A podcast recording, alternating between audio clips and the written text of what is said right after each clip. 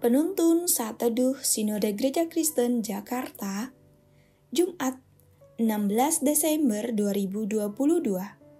Judul Renungan, Status yang Baru. Nats Alkitab terambil di dalam kitab 1 Korintus pasal 6 ayat 19 sampai 20. Atau tidak tahukah kamu bahwa tubuhmu adalah bait Roh Kudus yang diam di dalam kamu. Roh Kudus yang kamu peroleh dari Allah dan bahwa kamu bukan milik kamu sendiri. Sebab kamu telah dibeli dan harganya telah lunas dibayar.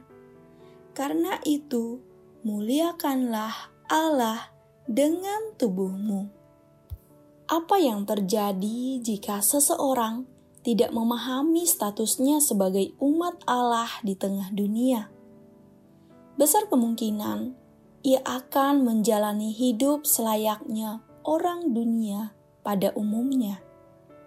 Mungkin ia masih tetap bisa menjalankan aktivitas keagamaan, namun nilai-nilai dunia tetap dihidupi. Dalam perenungan ini, kita diingatkan akan siapa kita, bahwa kita adalah orang-orang yang telah dibayar lunas.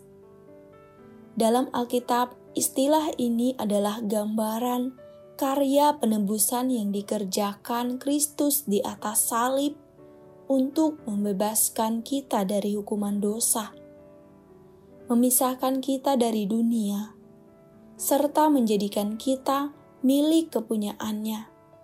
Jelas, di dalam keselamatan yang kita peroleh, tidak ada sedikit pun kontribusi ataupun jasa kita di dalamnya.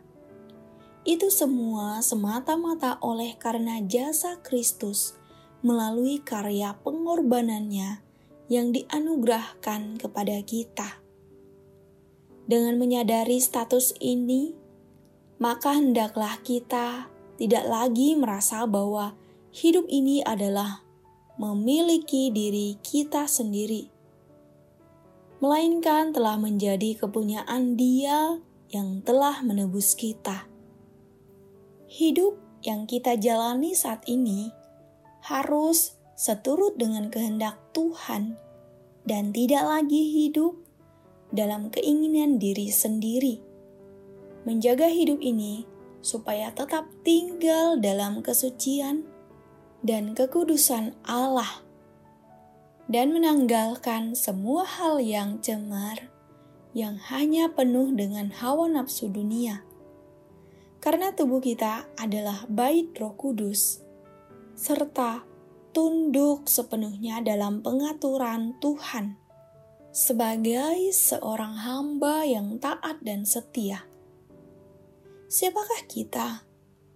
Kita adalah umat Allah yang telah dipisahkan dari dunia ini.